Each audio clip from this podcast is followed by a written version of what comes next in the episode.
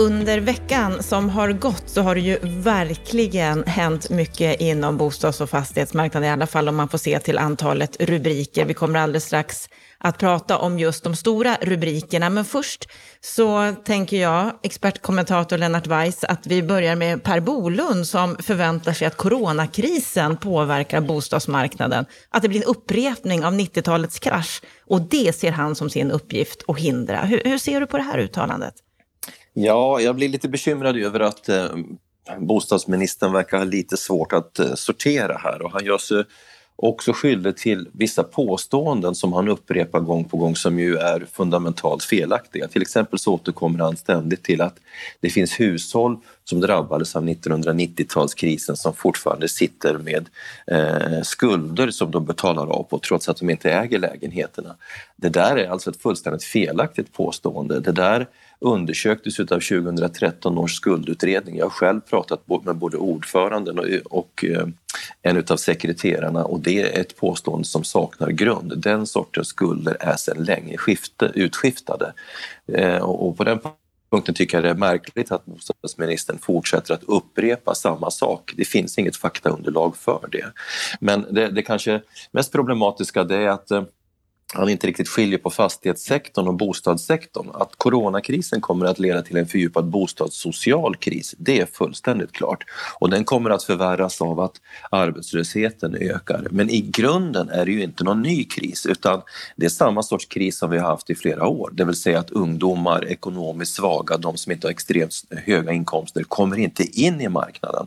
Vi har liksom ett insider-outsider problem som framförallt drabbar den unga generationen som ju Ja, jag vet inte hur många debattörer och hur många tjogtals utav utredningar har vederlagt utan att bostadsministern har vidtagit några som helst eh, ska säga, mer fundamentala åtgärder. Och vi vet ju vad det handlar om. Det handlar om bolånetak som kräver mycket kapital. Vi vet att det handlar om kreditrestriktioner och extremt höga kalkylräntor som gör att man måste ha väldigt höga inkomster. Och, och, och, och det handlar om nyproduktionshyror som är så dyra att ungdomar inte kan efterfråga dem heller.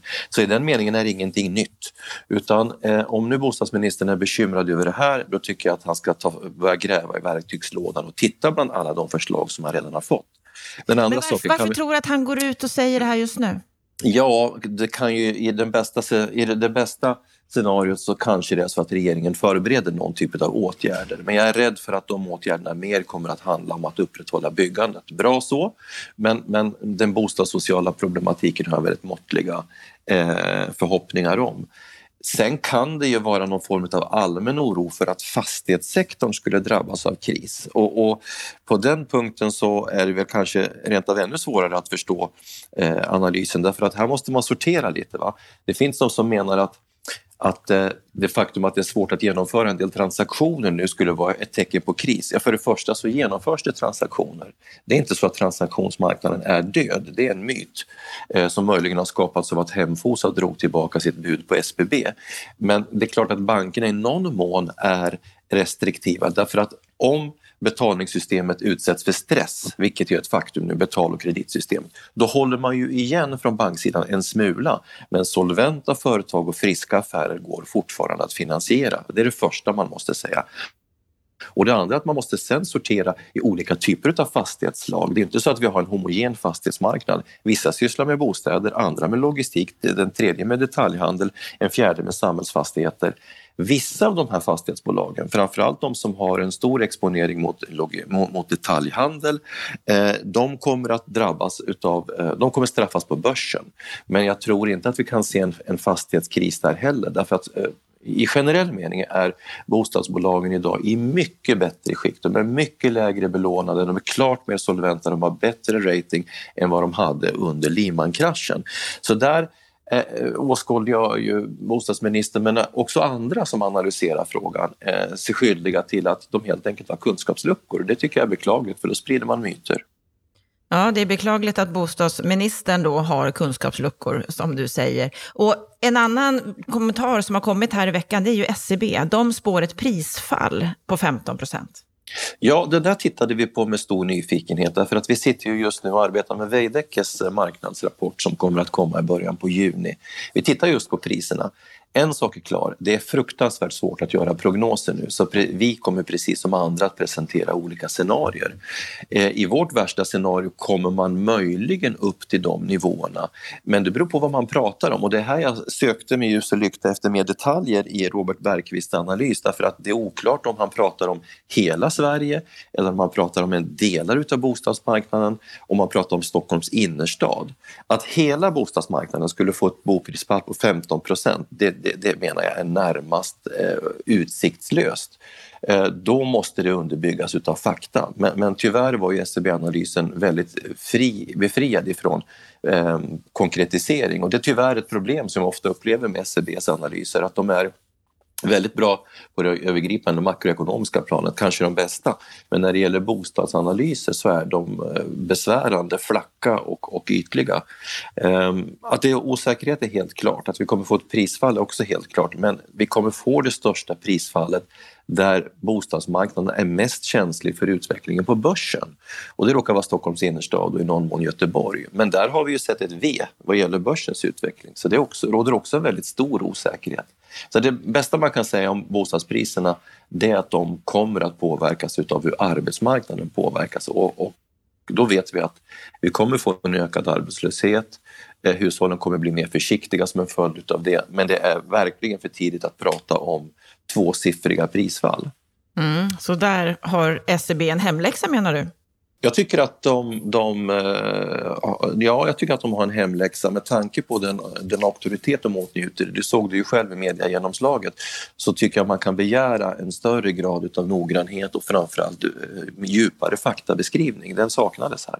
Och om vi då ska avsluta veckans Aktuellt med de riktigt stora rubrikerna som vi har sett här de senaste dagarna. Det har ju varit i alla medier att börsens fastighetskung har blivit anhållen misstänkt för ekobrott, Ilja Batljan, som vi ju pratade om i förra veckans Aktuellt. Då var det en krönika av Andreas Cervenka som vi citerade och refererade till.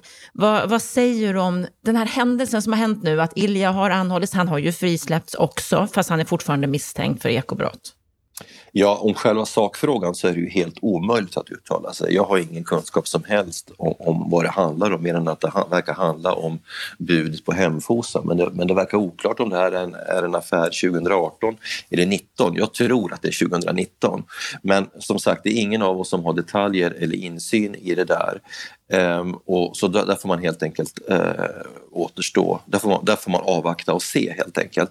Vad jag, vad jag tycker är anmärkningsvärt det är ju hur man drar på i, i vissa media och, och, då är det ju framförallt i, i Dagens Industri som agerar på värsta kvällstidningsvis. Och då är vi tillbaka till Andreas Cervenka ja, som vi pratade om förra veckan. Jag har läst ganska mycket om vad som har skrivits om det här senaste veckan och när man jämför en annan eh, näringslivsbilaga så alltså anslår ju de en mycket mer saklig ton.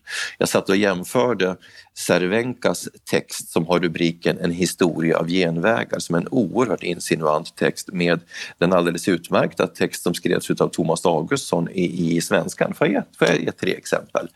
Cervenka säger till exempel som en angreppspunkt inget bolag är en enmansshow och ger en bild utav att eh, eh, SBB har byggts liksom utav en magiker, han kallas till och med för Jesus som, som ska, ska så att säga ha förmågan att gå på vattnet. Ja, men den som vet hur SBB är byggt eh, vet ju att det är precis tvärtom. I Svenskan kan man läsa det som är fakta. Med hjälp av bland annat miljardärerna Sven-Olof Johansson, Erik Paulsson och Mikael Andersson kunde Ilja Batljan sen notera Samhällsbyggnadsbolaget. Jag skulle vilja lägga till eh, Lennart Schuss legend i den här branschen, framförallt på transaktionssidan som före detta VD på Catella eller Lars Tagesson eller andra supertungisar. Det som har varit Iljas förmåga det är ju att ha skapat dream team runt omkring sig så att tala om one man show här, det är ju rent ut sagt löjligt. Vi tar ett annat exempel. Han talar om Iljas, utan eh, hans finansiella kreativitet försvinner mycket av det som har gjort bolaget till en kursraket. Ja, men, eh, det är ju också rent nonsens. Utan tillbaka till svenskan så påpekar ju de eh, precis vad som eh, tillhör historien här. Vad Ilja gjorde när han doktorerade det var att han tog fram matematiska modeller som beskrev Sveriges demografiska utveckling och då identifierade han ett marknadshål, ett, ett, ett segment i fastighetsmarknaden som ingen hade jobbat med i stor skala, nämligen samhällsfastigheter. Det är det som är hans affärsbragd, inte någon typ av eh, finansiell kreativitet. Så där visar ju Dagens Industri att de inte förstår så att säga mekanismerna bakom eh, SBB och överhuvudtaget vilken marknads och affärsanalys de har gjort. Och ett, och ett tredje exempel som ju är belysande, det är den här affären då på eh, eh Rikshem som ledde till att eh, Ilja Batljan fick lämna företaget. Och då skriver eh, Andreas Cervenka, han sparkades från jobbet som vice VD för Rikshem efter att privat lagt ett bud på en fastighet utan att först informera styrelsen. I Svenska Dagbladet kan man läsa följande.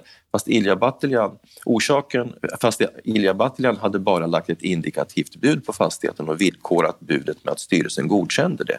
Precis, det är fakta.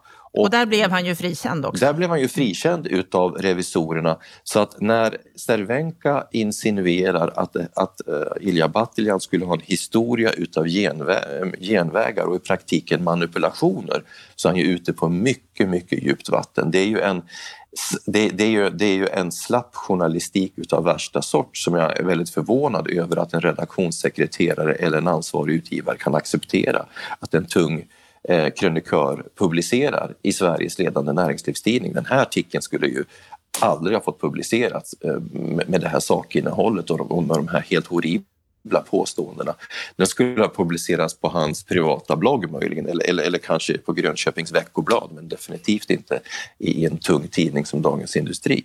Mm, det vi kan vara säkra på det är att den här nyheten, om man säger så, den kommer ju att fortsätta. Vi kommer ju att se många fler rubriker om Ilja framöver. Och då gäller det väl som i vanliga fall att läsa med förnuft, att egentligen granska det man läser och inte tro på allt.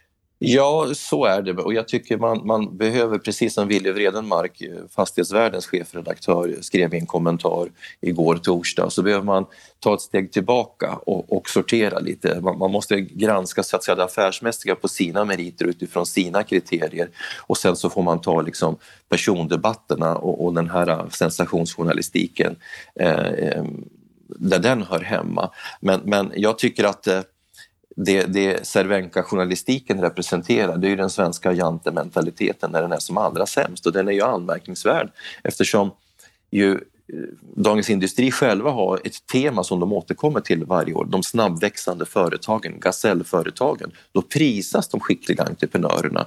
Men om de är socialdemokrater och det går för bra och de, de, de har eh, hög profil, då jävlar, då ska man ta ner dem så fort som möjligt och gärna utav någon annan då som har hög svansföring. Så att jag tycker det här är genant och är ett problem både för journalistiken men framförallt för Dagens Industri skulle jag säga.